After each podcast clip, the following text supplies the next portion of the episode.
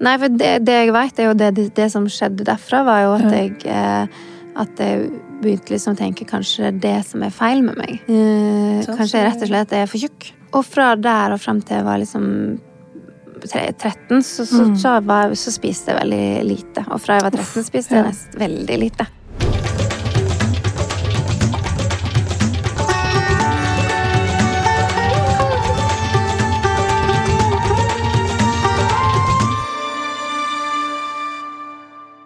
Hei, jeg heter Abid Raja. Og jeg heter Nadia Ansar. Du, Nadia.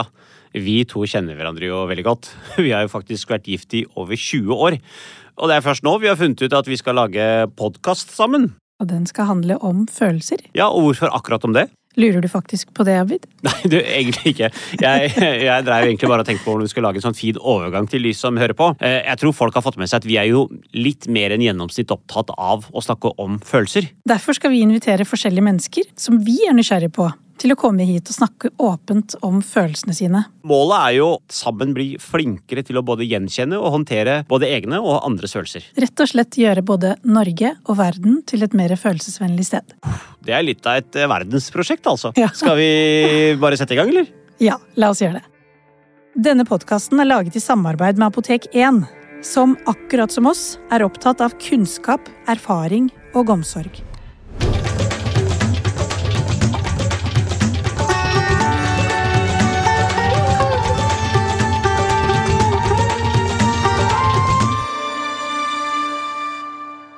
Å, hei, hei, Nadia. Hei, Abid. Du, vi er egentlig så er vi litt irritert i dag, er vi ikke det? Jeg, Jeg vet ikke om vi er det, men jeg vet at du er irritert på meg. Ja, jeg er ikke irritert på deg, men jeg er irritert på den sensurert. Oppvaskmaskin. Ja. Ja, for på fredag så ville ikke den bare funke mer. Altså, Mm. Den bare gikk i helt til lås. Mm. Eh, og, eh, og den er jo Den er ikke ny, men den er ikke gammel heller. Er den det? Ja, altså, vi, jeg trodde den var nyere enn eh, det den viser seg å være. Den er faktisk akkurat ti år gammel. Ja, og det er liksom akkurat utenfor garantitida, så det Ja. liksom, du får liksom ikke gjort noe med det heller. Men en oppvaskmaskin skal vare mer enn ti år, altså. Og jeg skal ikke si hva var det jeg sa, men jeg holdt på å si hva var det jeg sa. Fordi at når vi skulle kjøpe en ny oppvaskmaskin, for den andre hadde tatt kvelden, Ja. så sa jeg til deg at vet du hva, vi må kjøpe noe fra sånn anerkjent merkelån, sånn Ja. som vet hva de lager. Ja. Men du skulle absolutt ha noe sånn designerskit. Svart. Jeg, jeg har vært egentlig ganske sånn fornøyd med det merket sånn ellers, men jeg må være ærlig og si at akkurat når det kommer til den vaskemaskinen her, så, eller oppvaskmaskinen, så har den ikke imponert veldig. Nei, altså jeg har vært irritert i ti år, jeg. For at altså, vi har en del tallerkener som er i ulik størrelse. Ja. Så de, altså, hvis du har litt større middagstallerken enn Ja. den som kommer fra Ikea, Ja. så det er ikke poeng å putte den oppi, for Nei. den der rulla som går sånn, den der, den der virvelen som skal svinge da, for å få vannet til å svinge, den treffer jo tallerkenen, setter seg fast der, og så svinger den ikke mer. Så det er liksom halvrene tallerkener. som Og må liksom, som aldri blir rent. Ja. åh, det er så irriterende, altså. Men bare, jeg er faktisk litt irritert sjøl, for jeg ringte jo de. Eh, og avtalte sånn betalt eh, service. Og så dukker de ikke opp. Og det er i hvert fall en måned siden. det som Så- er mer irriterende, at en dårlig maskin ikke fungerer, er at Mm. Ja. den tar kvelden. Ja, Det er liksom, det er det er toppen av det hele, liksom. For, sånn, for det Ja. første så betaler du bare for design også. Så hele helga har gått med til å ta altså, Ja. vet du altså, All respekt for de i gamle dager som tok oppvasken for hendene. Ja. Så det er bare å sette i gang. Vær så god. Ja, men Det, det er det vi har gjort eh, hele helga. Det er liksom hele helga gått med. Interessant, Ja, jeg interessant eh, formulering her. Ja, ja, ja, men eh, ok. Ja, sånn var vår helg. Jeg håper kanskje helga deres eh, var litt bedre. Men vet du hva, Nadia? Vi skal jo ikke snakke om oppvaskmaskinen, vi skal snakke om eh, neste gjesten, for vi har en ny gjest. Ja, vi skal faktisk få besøk av selveste Eva Wehl Skram.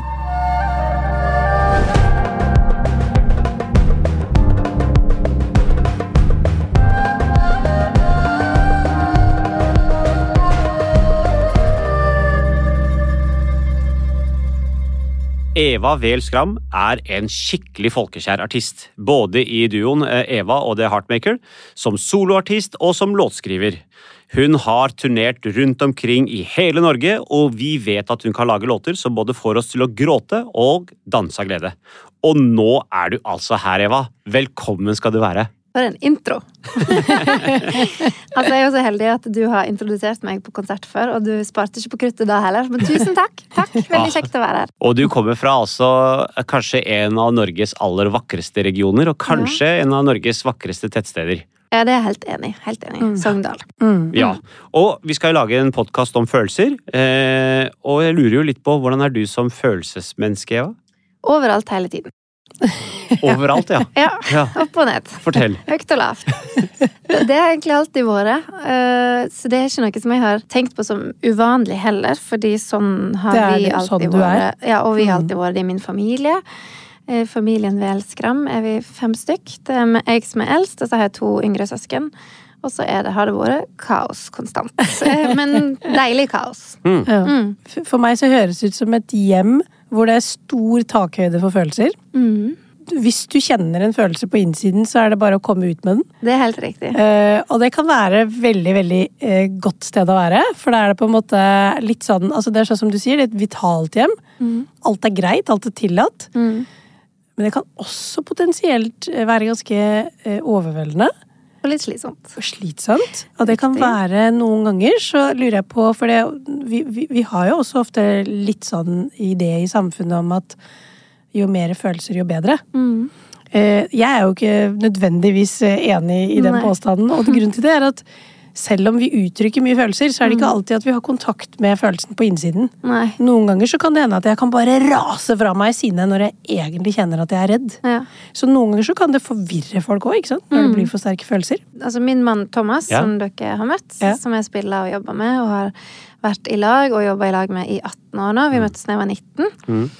Um, han eh, kommer fra en helt annen type oppvekst eh, enn meg, og og også en annen landsdel. Nå er jo, har jo vært en del i Nord-Norge der han er fra, og, og syns at ting kan gå litt tregt til tider. Jeg Sier ikke at det gjelder alle nordnorske hjem, men eh, mindre bygd, mindre ting som skjer, kanskje. Jeg veit ikke. Men han fikk litt sånn sjokk når han kom inn i min familie, da. over spesielt krangler som vi hadde. Over fullstendig uviktige ting, liksom. Sånn krangler som han, han var sånn Jeg husker en gang jeg krangla med mamma på telefon, og så, så er han etterpå helt sånn Ja, men da var det var det, da. Det var, Da er det over. nå er det over. Nå er det slutt. over. Da, ikke slutt med meg, men han tenkte at nå har ikke jeg kontakt med mine foreldre mer noensinne. For at eh, han kunne aldri ha funnet på å sagt så mye. Ja. Eh, eller, ja. Og så var vi jo venner igjen ti minutter etterpå. Til Ja. hans Og du kanskje krangla noe helt eh, bagatellmessig? Helt, ja, helt veldig lite viktig. Så det, altså det å føle at jeg kanskje har kommet til et punkt Og meg og Thomas har også krangla på forskjellige måter i starten når vi ble i lag, i form av at, eh, at eh, det kan hende at jeg egentlig hadde rett. At det vi krangla om, var noe jeg hadde rett i. Ja. Men at jeg ble så dramatisk, og så sint, ikke minst, så sint, Ja. eh, at jeg dro det så langt Ja. at jeg tapte. Ja. Og jeg husker så godt en gang han da fortalte det til meg etterpå. Når vi liksom, du, du hadde rett. Det var idiotisk av meg. Men nå er det idiotisk av deg, for du dro det så langt at nå er det du som er syndebukken her. Ja. liksom. Ja. Så sånn sett så lærte vi litt av hverandre. Jeg lærte meg til at eh, ok, det er ikke alt som trengs å diskuteres og krangles i hjel. Ja. Og han lærte seg at ok, det, det er lov å komme med litt mer eh, ting og synspunkter og sånt. Og du kan si hva du vil uten at du blir eh, sendt vekk og opp og ned av den grunn, liksom. Ja. Det er et veldig godt poeng, altså, for jeg, jeg undres jo noen ganger over at de som på en måte har høy intensitet, da, eller kanskje høy aktivering, de kan ofte vinne en argumentasjon, eller fordi at de framstår som følelsesmennesker.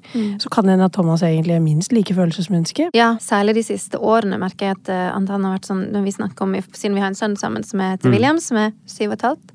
Så vi snakket mye om det er mange som har sagt til han, siden han er litt mer introvert og forsiktig, og så sier de til han i et eller annet setting Ja, men du vet, jeg er sånn følelsesmenneske, vet du. Ja.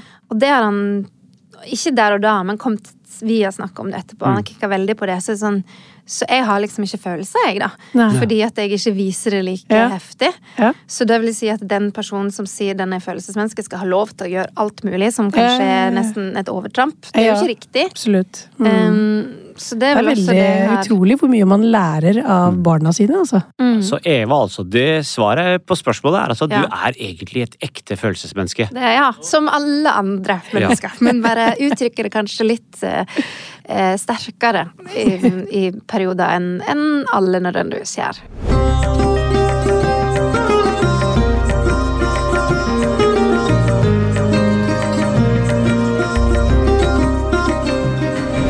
Hvordan, eh, hvordan var du som barn? Og, og du hadde jo også noen skjellsettende opplevelser eh, i møte med andre barn.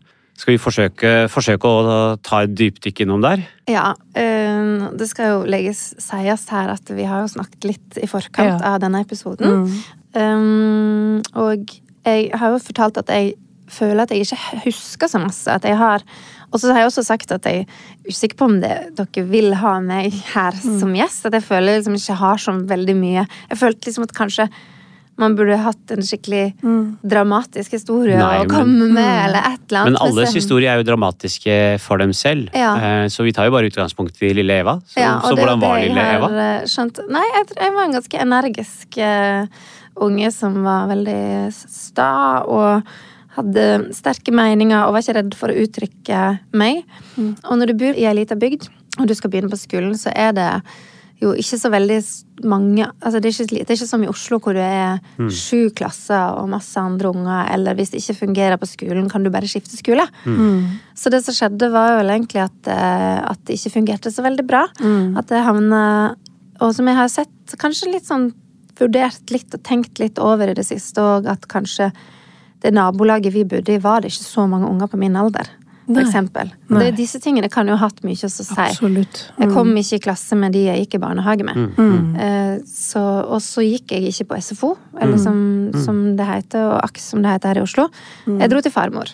Ja. Så da var jeg jo bare på skolen, og så kom jeg jo ikke i noe sånn leik da.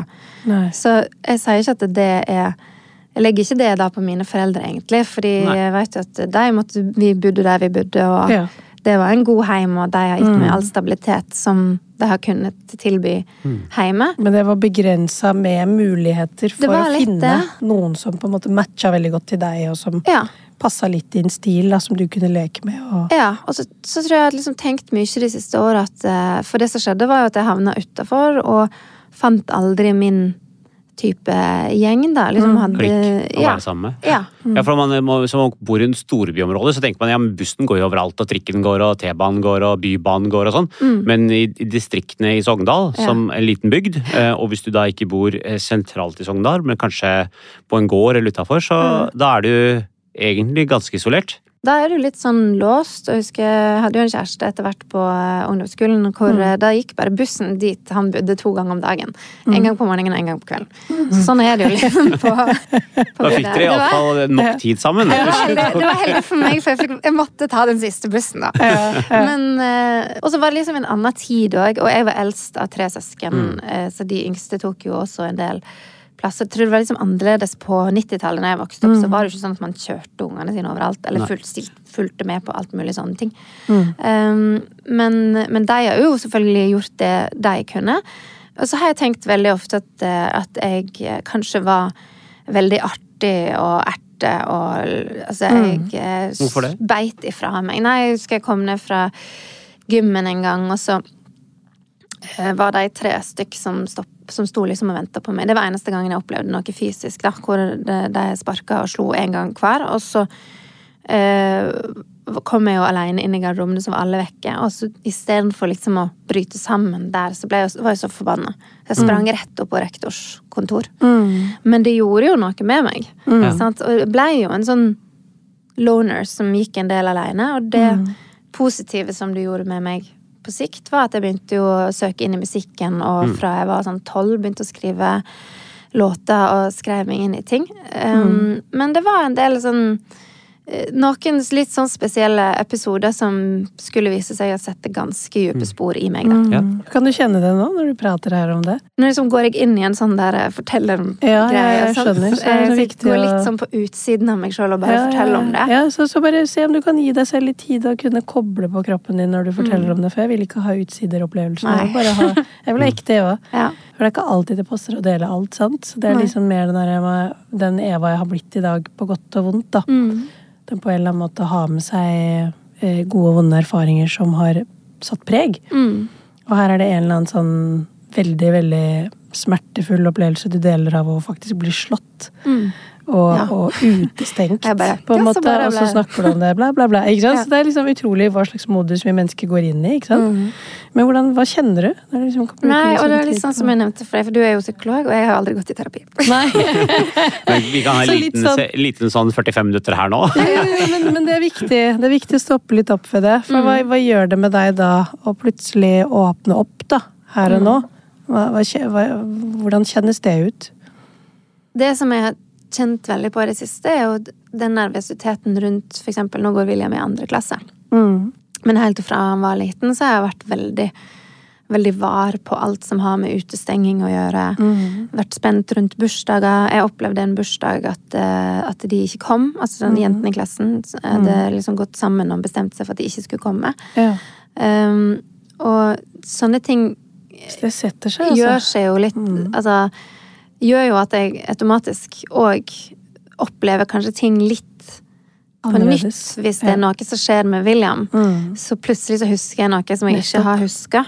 Sånn er det for Enda- veldig mange sant, som Mm. får barn. At er, når man ikke har gått i terapi selv, så er det utrolig at når man blir forelder, så kan man plutselig komme på en del ting som man har glemt. Ja. Sånn som du beskriver. det. Og en del følelser sånn Hvorfor er jeg så stressa rundt det at han skal ha første sånn store bursdagsselskap? Ja. Og så, så er det jo antageligvis det som ligger Absolutt. bak. Og det er ganske sånn interessant, sant? for det, det, det, det krever jo litt sånn at vi stopper opp og puster litt for å koble på at nå er jeg litt mer aktivert, eller jeg kan kjenne at jeg liksom følelsesmessig litt sånn Kjenner på et ubehag, eller er mer spent og stressa. Og det på en eller annen måte henger sammen med mine egne opplevelser. Mm. Og selv om på en måte mange av oss kan streve med å huske faktiske episoder da, og hendelser, så husker vi opplevelsen. Ja. Det husker vi i kroppen, ikke sant? Så man, man, og det setter seg ofte som litt sånn som du sier. Sånn, Ja. sånn stress og ubehag. Det vel, og det er veldig mange ting jeg ikke husker. Men en ting jeg husker veldig godt, er jo eh, at det var en eh, i en eh, bursdag hvor vi var kanskje sånn tolv år eller sånt, og så skulle vi ha sånn selskapsleik. Og så skulle hun som hadde bursdag, skulle liksom velge ett lag, og så skulle hun andre velge, som var hun som ofte var litt sånn sjefen, da, velge lag, og sier jo da hun ikke bursdagsbarnet, men hun andre, da. Så når jeg, det var bare meg som sto igjen, så sier hun foran alle sammen ja, jeg får vel ta den feite grisen der, sier hun. Uff. Og eh, der og da så kjente jeg liksom ikke så mye over det. Ja. Men så kom jeg hjem, og så husker jeg hadde besøk av, vi hadde besøk av mormor, og så ropte jeg liksom sånn Syns dere jeg er en feit gris? eh, og så var det vel et eller annet eh, som ble sittende i den kommentaren, da. Mm. Kan du kjenne det nå når du snakker om det? Så liksom vender fokuset litt innover og kjenner i kroppen din. Ja. Um, nei, for det, det jeg veit, er jo det, det, det som skjedde derfra, var jo at jeg eh, At jeg begynte liksom å tenke kanskje det som er feil med meg. Eh, sånn, kanskje jeg rett og slett er for tjukk. Ja. Og når du ser på bilder fra den tiden, så var jeg var helt vanlig tolvåring. Mm. Ikke noe. Så da, Ja. da bare ble, gikk det da, Så det går det inn i kjela, sjela, det går inn i følelsene. Ja. Og det gjør noe med deg Ja. som tolvåring. Ja. Og fra der og frem til jeg var liksom 13, så, så, Mm. så, var, så spiste jeg veldig lite. Og fra jeg var 13, spiste jeg ja. nesten veldig lite. Sånt, så det er Så da gikk det jo over i en Det ble en spiseforstyrrelse som Ja. jeg endte opp med å slite med i veldig, veldig, veldig mange år Mm. eh, etterpå. Eh, og jeg kjenner at jeg er ganske Ja, det, føles litt urettferdig. ja. Utmattende og urettferdig. urettferdig. og så- ja. mm. Noe så idiotisk, liksom. At man Mm. skal la seg eh, eh, prege og påvirke av en så Av en sleivete, så- dustete kommentar. Ja, fordi at Man nå jo- så ser jeg på unger på en litt annen måte. Ja. Det så jeg ikke da. Mm. Eh, Nå så ser jeg kanskje at den jenta som sa det, var ei som var usikker. Mm. Ikke sikkert hun hadde det så bra hjemme. òg, ikke sant? Ja. Eh, Men det er ikke det du opplever som barn. Nei. Mm. Så jeg er fortsatt egentlig bitter over ja. at en sånn kommentar Mm. har tatt fra meg så masse Mm. livsglede som det har gjort, da. Mm. I form av en spiseforstyrrelse som varte ganske lenge. eh, Og som fortsatt sitter i hodet, selv om det ikke fysisk er Mm. aktivt lenger. Det er modig gjort av deg å sette ord på det. Veldig sterkt.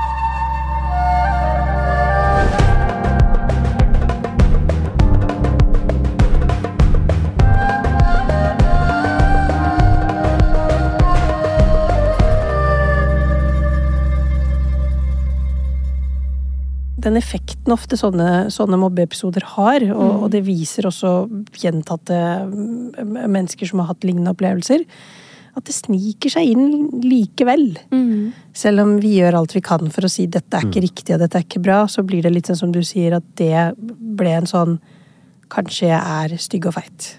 På en Ja. måte. Så kanskje jeg bare må slutte å spise, kanskje jeg må bare se penere ut. og Ja. Eh, og, så, og så er giften på en måte eh, sakte, men sikkert ble, blitt en del av oss, da. Mm. Hvordan er det det preget deg i eh, tenåringsalderen? Nei, først, først og fremst så, så utvikler jeg jo en spiseforstyrrelse som eh, Hvordan da, liksom? Som- hvis du skulle liksom beskrevet den? den så først så slutta jeg å spise. Mhm. Og så eh, merka jo mamma at jeg ble veldig tynn. Mhm. Og det er jo vanlig å bli tynn også i den alderen fordi du strekker deg, men eh. At ja, du var kan jo bare avsløre med en gang at jeg er ikke spesielt høy. Nei. ikke du er 1,60, sånn nesten jo, sånn cirka, ja. cirka. Vi kan like, si like, 1,60. like Det høy kan eller like hende det lav er som litt meg? mindre, men vi kan si 1,60. Ja, dere to ser ganske like høye ut. Det kommer litt sånn an på. Jeg er 1,62 i passet. Ja, jeg også. Ja, men du, men, Ja, jeg Men Nadia er, men. Nadia er ikke 1,62 hun. Ja. Men jeg strakk meg i hvert fall ikke så veldig, men jeg ble veldig tynn. Og så sier mamma at eh, nå Ja, hun fulgte jo med på det. Eh, og det er ikke så lett, tror jeg, å stå ved sid på sidelinja og så se at eh, Som foreldre å se at barn ikke spiser, det er ganske tøft. Det er ja. det mest dødeligste og- sykdommen som fins, faktisk, Ja. eh, i Norge. Men heldigvis så ble jeg på en måte redda av musikken, da. Og det at jeg, jeg fikk Når vi da begynte på ungdomsskolen, eh, så fikk jeg spørsmål fra en av gutta om jeg ville være med, og- siden jeg sang. For jeg har alltid sunget. Om jeg ville være med og starte et band. Så det ble en sånn positiv ting som foregikk ved siden av. Men det trigga jo bare mer hat hos de som var nå blitt fienden. Mm. Den jentegjengen som da For du skal ja, så ikke tro du er noe. Du stikker deg fram og Mm. være i avisa og synge og det og liksom, Så det ja. positive Så det som du fikk verre. til, det klarte eller prøvde andre å gjøre om til noe negativt og bruke mot deg. Men altså, det er jo, du blir litt utsatt, da. fikk jeg kjæreste på videregående, og så ble det litt sånn så hvis jeg kom opp eh, sånn lang opp, vei som du går opp til ungdomsskolen, Mm. så kommer jeg opp, og så står de der, og så ser de på meg, og så bare, så bare sånn eh, ja, De jævla hore, og liksom Og så Ja. sa virkelig sånn Mm. ting i det. Å, Fy fader. Se på den hora der, nå kommer hun, faen. Og så eh, går du Og da, da var jeg kommet til et tidspunkt, fordi når jeg var yngre enn det, da smalt jeg tilbake. Eh, men det funka jo veldig dårlig. Så når jeg gikk forbi der 'Å, det lukter hore her', var det det hun sa. Ja. Eh, så var det beste som funka, bare å bare gå forbi. Mm. Bare, bare ignorere de. Bare virkelig sånn. Prøve å Det var jo det mamma også sa til meg at jeg skulle gjøre. Så vi gjør jo ofte litt sånn ulike, bruker ulike strategier. Vi prøver først å rope ut eller si ifra eller eh, på en måte utagere, og så prøver du på det, og så virker ikke det. Ja. Og da, på det tidspunktet, så er du litt mer sårbar, for du er i tenåringsalderen, så da Ja. merker du at du prøver å late som du ikke hører det, Mm. og så er det akkurat som det går litt enda litt dypere inn på deg på et eller annet vis likevel. Ja, selvfølgelig er det det. Men det med musikken da ble jo at da eh, kunne jeg søke inn i det. Og så fant jeg ut at eh, ja, det går an å flytte herfra. Mm. jeg kan begynne på musikklinja på Sandane. Og da må jeg faktisk flytte hjemmefra. Eh, altså gå på videregående. Så det ble et mål for meg som var en slags gulrot som lå der framme. Eh, gjennom Nei, gjennom ungdomsskolen. Eh, Men så, var jeg, så spiste jeg jo veldig lite, og mamma var veldig bekymra. Og så begynte det å nærme seg den siste året på ungdomsskolen, og sånn, så, så sa hun at hvis du eh, jeg, jeg kan ikke sende deg av gårde hvis ikke du spiser. Så da begynte jeg å spise, og det takler jeg veldig dårlig. Så da begynte jeg å kaste opp. Ja, skjønner. Så da starta litt mer sånn periode med bulimi, egentlig. Ja, da starta det bulimi jeg har slitt mest med. Så det med å ikke Det slags påbegynnende anoreksien som var før det, gikk bare over i en, en bulimi som var ganske heftig. Og da gikk jeg jo opp til normalvekt, og det er det som er så skummelt med den sykdommen. Eh, Ja, det Det er så lett å skjule det, ikke sant? Og jeg skriver om det i min bok også, så det er jo opplevelser og erfaringer jeg selv har gjort meg i mitt liv. Jeg vet ikke om du har reflektert noe ut ifra det, men sånn som jeg har rangert det i mitt hode, og dette her er jo helt idiotisk, så er det litt sånn Jeg klarte ikke å ha anoreksi engang. Ja, men sånn, sånn er jo Ja. Det er det selvkritikken gjør med oss, da. At Ja. vi blir eh, sett på som Eller vi, Ja. vi, vi selv gjør en rangering og tenker du er en sånn dårlig spiseforstyrra person. Du klarer ikke det engang. Det høres helt fucka ut. Men det er akkurat sånn det er. Så du er ikke engang en vellykka anorektiker. Nei. Det er liksom Kan le av det, men det er Ja. jo egentlig helt tragisk. Det, vi, sant? vi kan le av det nå. Men det, det er nettopp det. Eh, Så da fikk jeg flytte, og jeg dro, og det ble jo en helt fantastisk opplevelse for meg, fordi at når jeg da begynte på Sandane, da fikk jeg flere venner første skoledag. Mm. Det bare begynte en helt ny epoke i livet mitt, så aldri har jeg slitt siden da med å være sosial og ha venner og ha en omgangskrets. Mm. Så det sosiale det fikk du på plass da, men hvordan var det å være Eva og være 15 år og være så sårbar og Altså, det sleit jo bak eh, kulissene, eller bak fasaden, ja, med bulimi. Det var det ingen som visste. mm. Og det er jo en sånn Det er en ganske fæl sykdom også fordi at du, du skammer deg sånn over det, Mm. fordi det er jo bare det, Og det er litt sånn ekkelt også. Mm. Det er veldig ekkelt å skjule oppkast. Ja. Det er jo det man gjør. ja, Og så at vekker det avsky, ikke sant? Ja, og jeg vet ikke sånn Sånn som du som eh, ikke, som jeg veit i hvert fall hatt bulimi. Nei. Nei, så veit jo ikke du nødvendigvis da det som vi sitter her og veit hva som Mm. Ja, men kan fortell være meg hvordan det ekkelt. For jeg forstår egentlig ikke helt hvordan det fungerer, eller hvordan det er. Nei, det, altså det er jo rett og slett at, du, at jeg, i hvert fall for min egen del, da, Mm. fikk så dårlig, jeg fikk så skyldfølelse av å spise. Mhm. eh, målet var jo ikke spise, men så måtte jeg jo spise. Og så, så bare Så da Så, så var det Så hvis du spiste, så måtte du ut igjen, eller? Ja, jeg bare kjente i hele kroppen at dette her vil jeg ikke Ha i Det klarer jeg ikke å ha. Det, det ble for vanskelig. Så da, så da kastet jeg opp, og da stikker du jo fingrene i halsen. Mm. Men, men, men eh, i perioder så kaster jeg jo opp så mye. eh, Kanskje på det verste, liksom. Ja, absolutt alt jeg spiste i løpet av en dag, ble kasta opp. Fra knekkebrød på morgenen til eh, selvfølgelig at man kanskje dro og kjøpte noe mer godteri som du kasta opp, eller, eller bare at du ble invitert på middag, og så Bare det å være invitert på middag var jo stress, fordi Mm. det første du tenkte på når du kom dit, var hvor er doen? Mm. Flusher den doen godt? Mm. er det lyd tett herfra og inn? Mm. Eh, du har liksom en sånn her Du lever i en sånn mens du Egen sitter der og, boble. ja, ja, mens Mm. du sitter der og er liksom tilsynelatende normal Sånn og sosial. parallelle verdener, på en måte. Ja, Men når dette pågår i en stund, så får jo ikke kroppen næring som kroppen trenger. Så vil jo ikke det utvikle mange ulike sykdommer og potensielt være livsfarlig. Ja, men det, det er det som kanskje Det kommer jo an på hvor stor grad Det er jo ikke alle dager som er like ille. Mm. En- eh, Noen dager holdt jeg jo mer på mat enn andre. Så jeg har levd med det lenge. Jeg kasta opp til jeg var Den siste dagen jeg satte fingrene i halsen min med vilje, det var 1. februar 2008.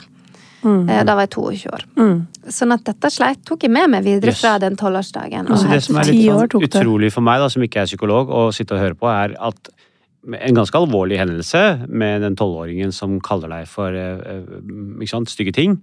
Eh, altså hvor skjellsettende ringvirkninger det får for, Ja. for deg som person. Mm. Og hvor langvarig eh, det blir med deg videre. Mm. Eh, og hvor mye sinne, frustrasjon og urettferdighetsfølelse det skaper inni deg. At du, som du sa, at du har latt deg bli påvirket av det, men Mm. også bitter over hvor mye energi eh, og tid de har tatt av deg. Hvor mye Mm. glede de har tatt eh, fra deg.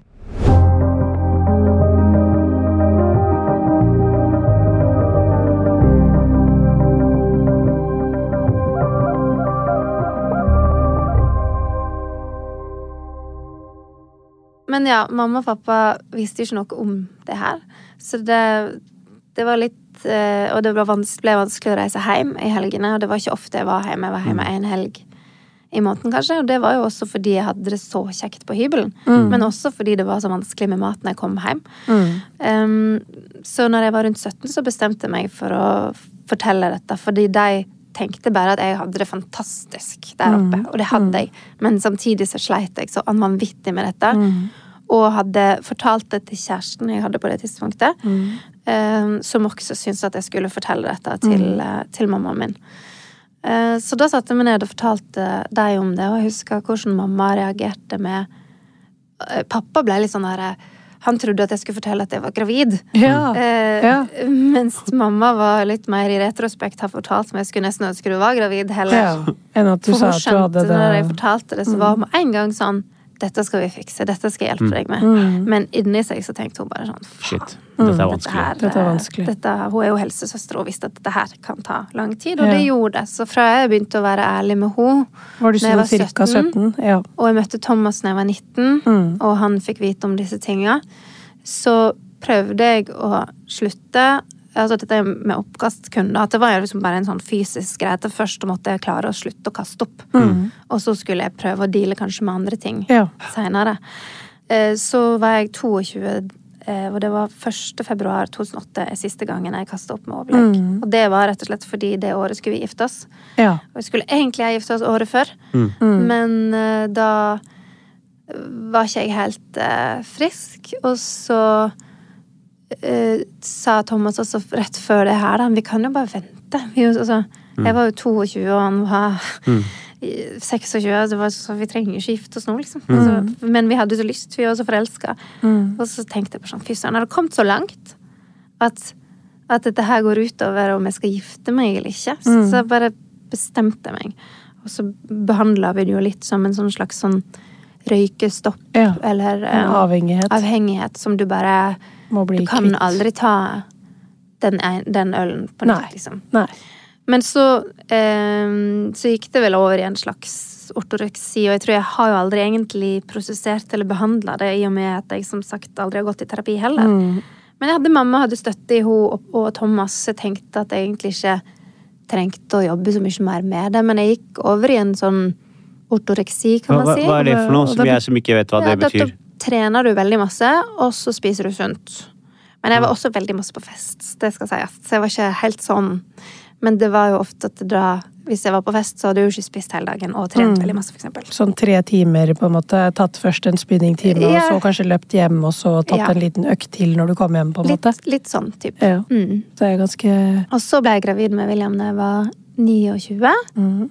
Og så fikk jeg sånn ekstrem svangerskapskvalme, og det var, da, det var første gangen i mitt liv at jeg kjente at uh, det vekka ganske mange følelser i meg, fordi at da måtte jeg kaste opp. Altså, jeg kastet opp av meg sjøl.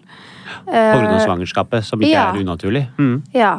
Uh, og bare sånn, som det heter, da, ekstrem svangerskapskvalme. Mm. var, jeg var veldig dårlig eh, i 20 uker, frem til uke 20.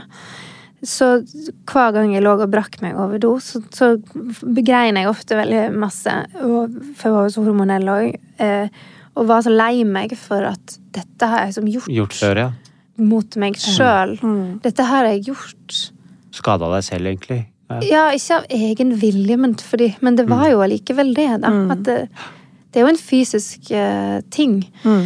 Så på en eller annen Um, måte en litt sånn sorg over at jeg ja. har behandla meg sjøl så dårlig. På Ja. måte, sånn Og også en over glede over at jeg kjente at uh, dette, kan jeg, dette er jeg så langt unna nå at det kommer aldri til å Jeg kommer aldri til å gjøre det igjen. Mm.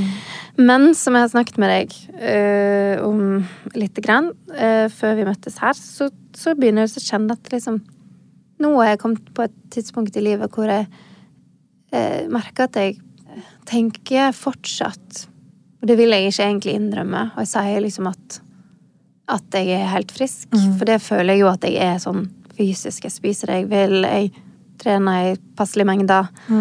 Kaster ikke opp. Ingen sånne ting. Men allikevel så tenker jeg kanskje litt mer enn gjennomsnittet over Mm. eh, hvordan eh, hvordan jeg ser ut. At det liksom fortsatt er en slags målestokk på om jeg er bra nok. Mm. Eh, at jeg aldri At jeg har et litt forvridd syn, antageligvis, på hvordan jeg Mm. eh, ser ut. da. Og det skulle jeg ønske at jeg ikke hadde. Mm. Og det skulle jeg ønske at jeg kan klare å- bli kvitt. Jeg skulle ønske at Jeg skulle så ønske, for det er så mange som har og Jeg har jo skrevet en del sanger om disse tingene. Ja. Um, spesielt en sang som heter 'Bare la meg være'. Som, eh, den går jo på det å skyve andre vekk fordi du føler at du sjøl ikke er bra nok. Nei. Og det har jeg virkelig eh, prøvd. Skyve andre vekk fordi du selv føler at du ikke er bra nok. Ja. Mm. For det er jo det vi ofte gjør, ikke sant? Det er tøft å høre på, ass. Ja. Virkelig. Mm. Det er nesten Abid på gråteren her, jeg ser det. Abid prøver å holde seg. Ja. Mm. Det er veldig, Jeg føler Ja. med, det er veldig sterkt føler at du unge Eva også. Mm. Det er veldig sterkt at du deler, og det er Mm. enda sterkere å høre på når du Jeg ser hvordan måte, det er en del av deg som så fint kan bare holde igjen, fordi at det syns jo ikke, ikke sant? Nei. Sånn som du sier, du kan fint la være. Mm. Bare sole deg i glansen over hvor det perfekte bildet du utstråler, på en måte. Mm. Og så sier du noe likevel. Mm.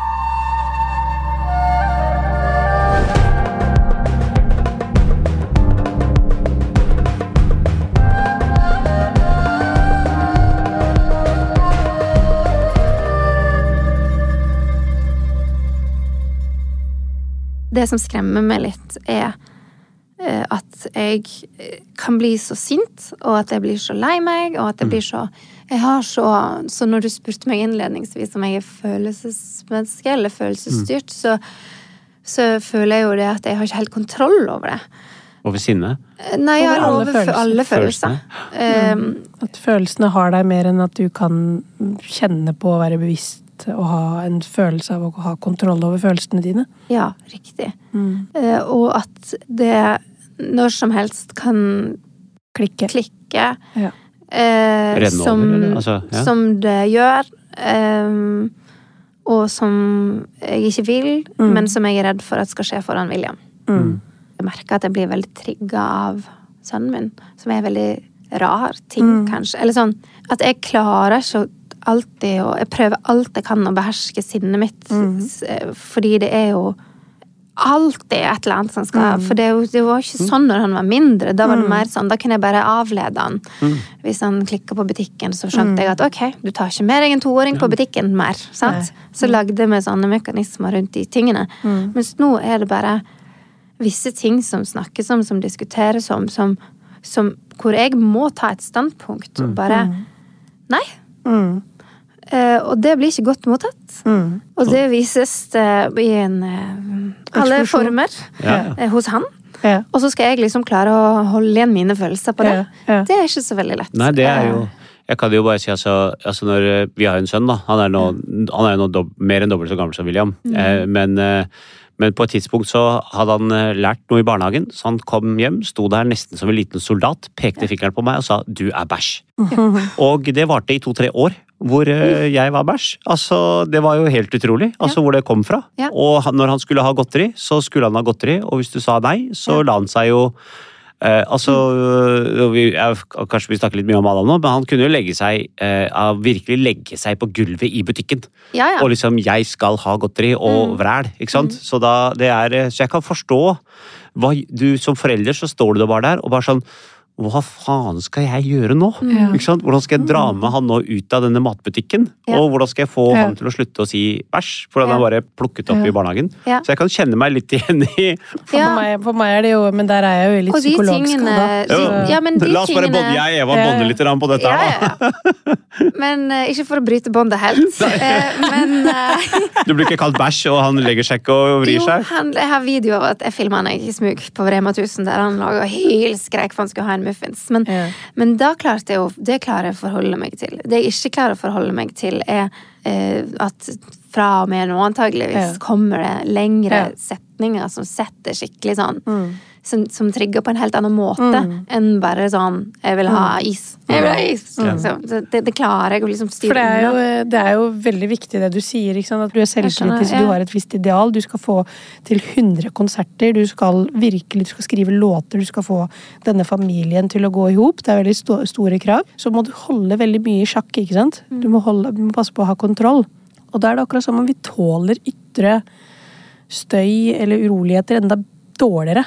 Sant? At det er rot hjemme, at eh, ungen oppfører seg på måter som vi ikke liker. Alt, alt Lyder Vi har liksom ikke noe kapasitet, da. Lyder? Lyder, ja. Ja, smattelyder. Eh, Ja, ja, ja.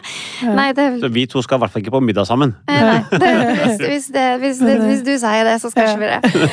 Nei, altså, det, det jeg mente ikke å si at jeg smatter høyt, det. men Vi kan gjøre det, men da kommer jeg til å ha med ørepropper. Ja. er det vanlig? Nei, det er bare at, jeg, at hvis ikke så blir jeg så sint. Ja.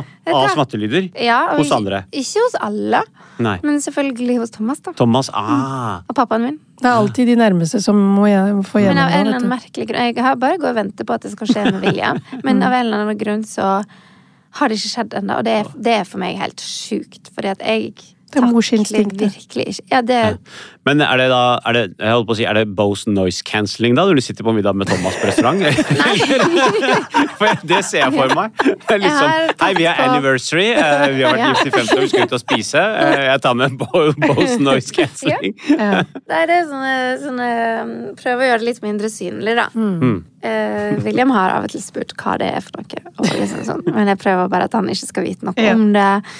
Eh, liksom prøve å skjerme han for de tingene, da. For dette, det Ja, det har blitt et stort eh, problem. Mm, det er jo ikke jeg- noe du er veldig Ja, og vi kan le av det, og sånn. Ja. Det, og det er helt greit. Jeg har ledd masse av det og fleipa veldig mye med det. ikke, jeg ler ikke av deg. altså, Nei, det nei, ikke, du ler med, og det er helt, det er helt greit. eh, Men det har òg blitt litt sånn Mm. eh, Thomas hvis han lager seg en brødskive, så bare går han automatisk i et annet rom. Da. Mm. At han veit at, at, at jeg blir gæren. Mm.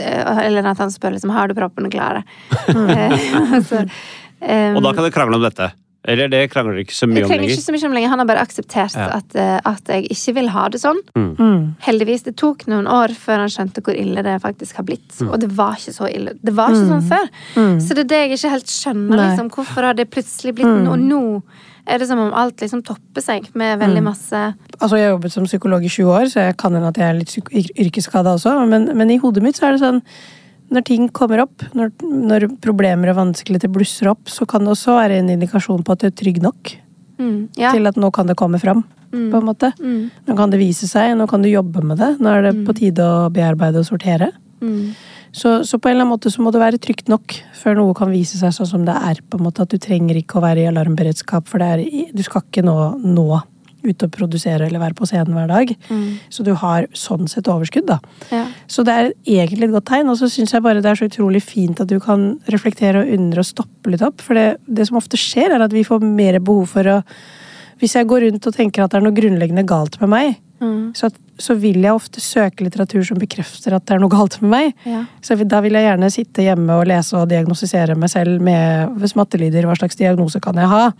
Konsentrasjonsvansker, hva slags diagnose kan jeg ha? Videre. Mm. Men det du gjør nå er på en måte viktigere, da, fordi at det hjelper jo liksom ikke å sette merkelapper på det, for Nei. problemene blir ikke borte av det.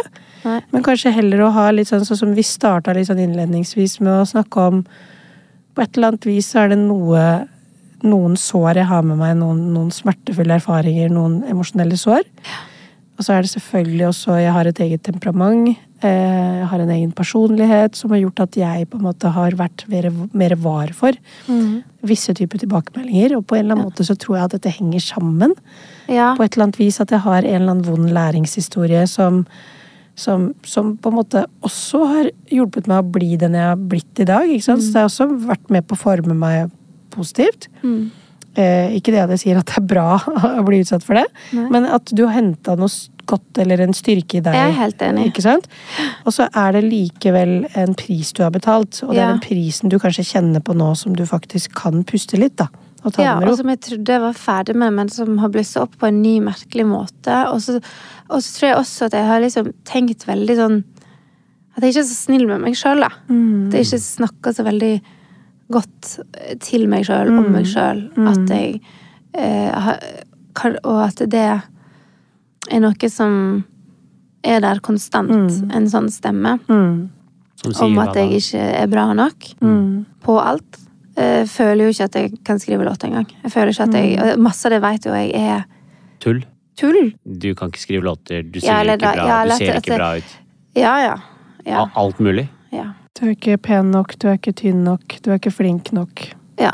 Og det så føles så litt sånn skamfullt på en Mm. måte erkjenne at jeg er 37 år Mm. og tenker fortsatt litt sånn som jeg tenkte tenkt da jeg var yngre. Mm. Så jeg hadde liksom håpet at jeg skulle Mm. Og på mange måter så har jeg jo vokst forbi en del av det, og jeg veit jo åpenbart at ting At du, Mange ting er på plass, og Ja. folk kjøper billetter for å komme og Mm. se konsertene.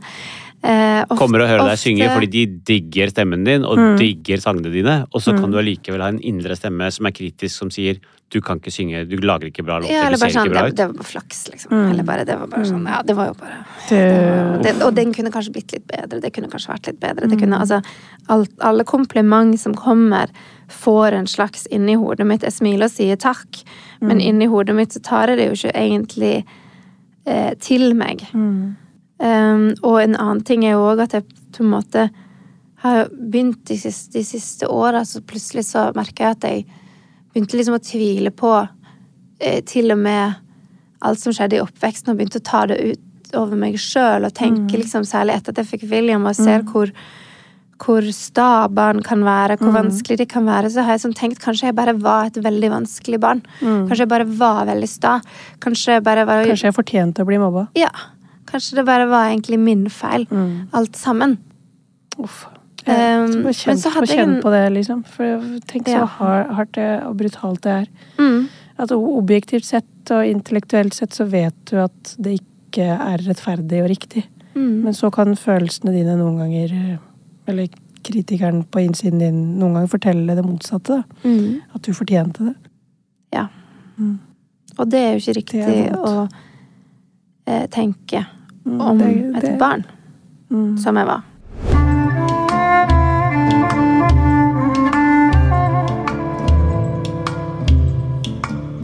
Jeg har alltid liksom tenkt at det er frykt som driver meg framover. Mm. Frykten for å ikke være bra nok, frykten, Mm. for, å, eh, frykten for å få et eh, barn. Jeg var redd for å få barn. Tenkte at da blir musikkarrieren min over. Mm. Eh, Når det har vist seg at det jo egentlig Jeg har fått mye mer å skrive om.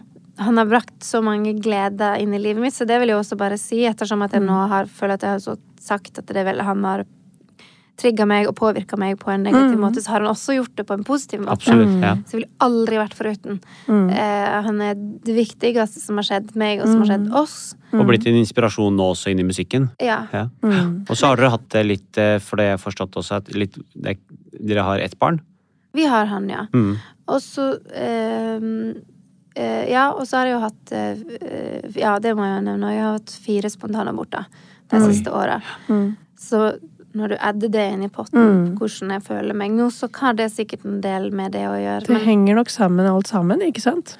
Enkelt sagt så handler det egentlig bare om at hvis du på en måte ikke kan slappe av og puste og stole på at du eh, eh, kan lytte til følelsene dine og hente informasjon om hva du trenger, hva som er dine behov, så vil det på en eller annen måte også prege hukommelsen din.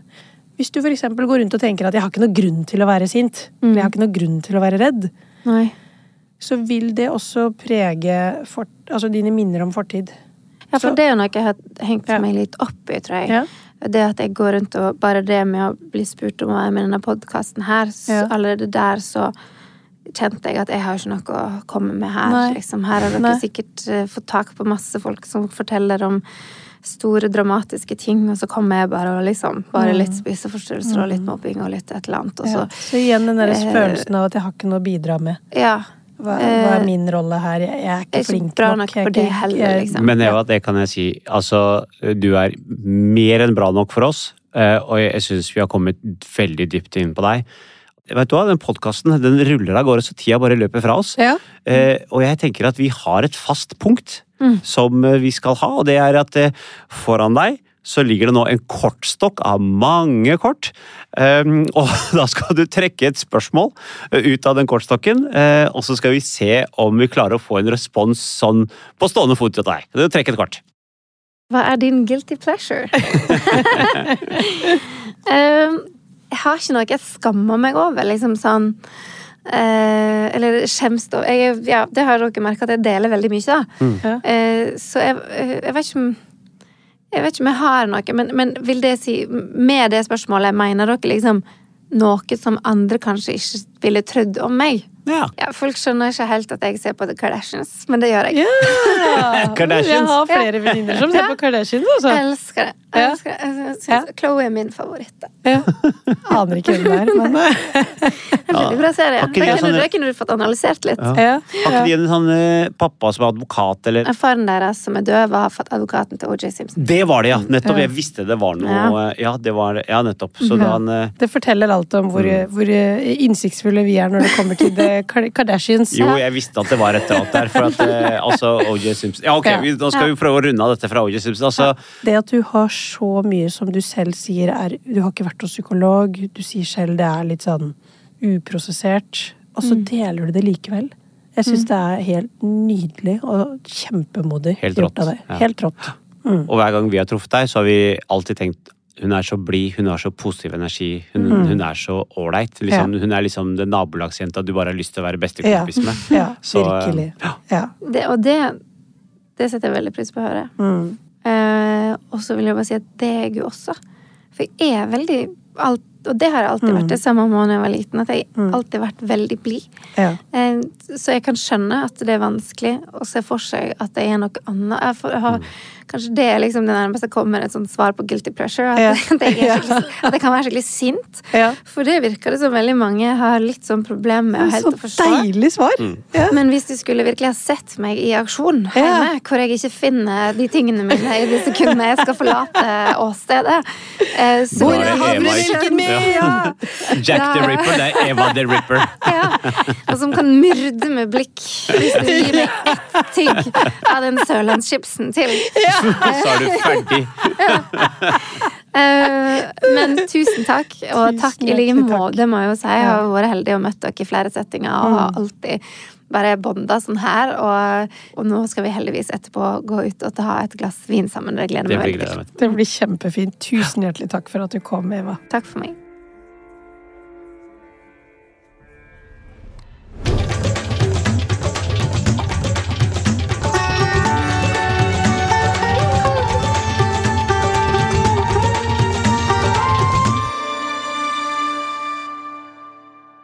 Apotek 1.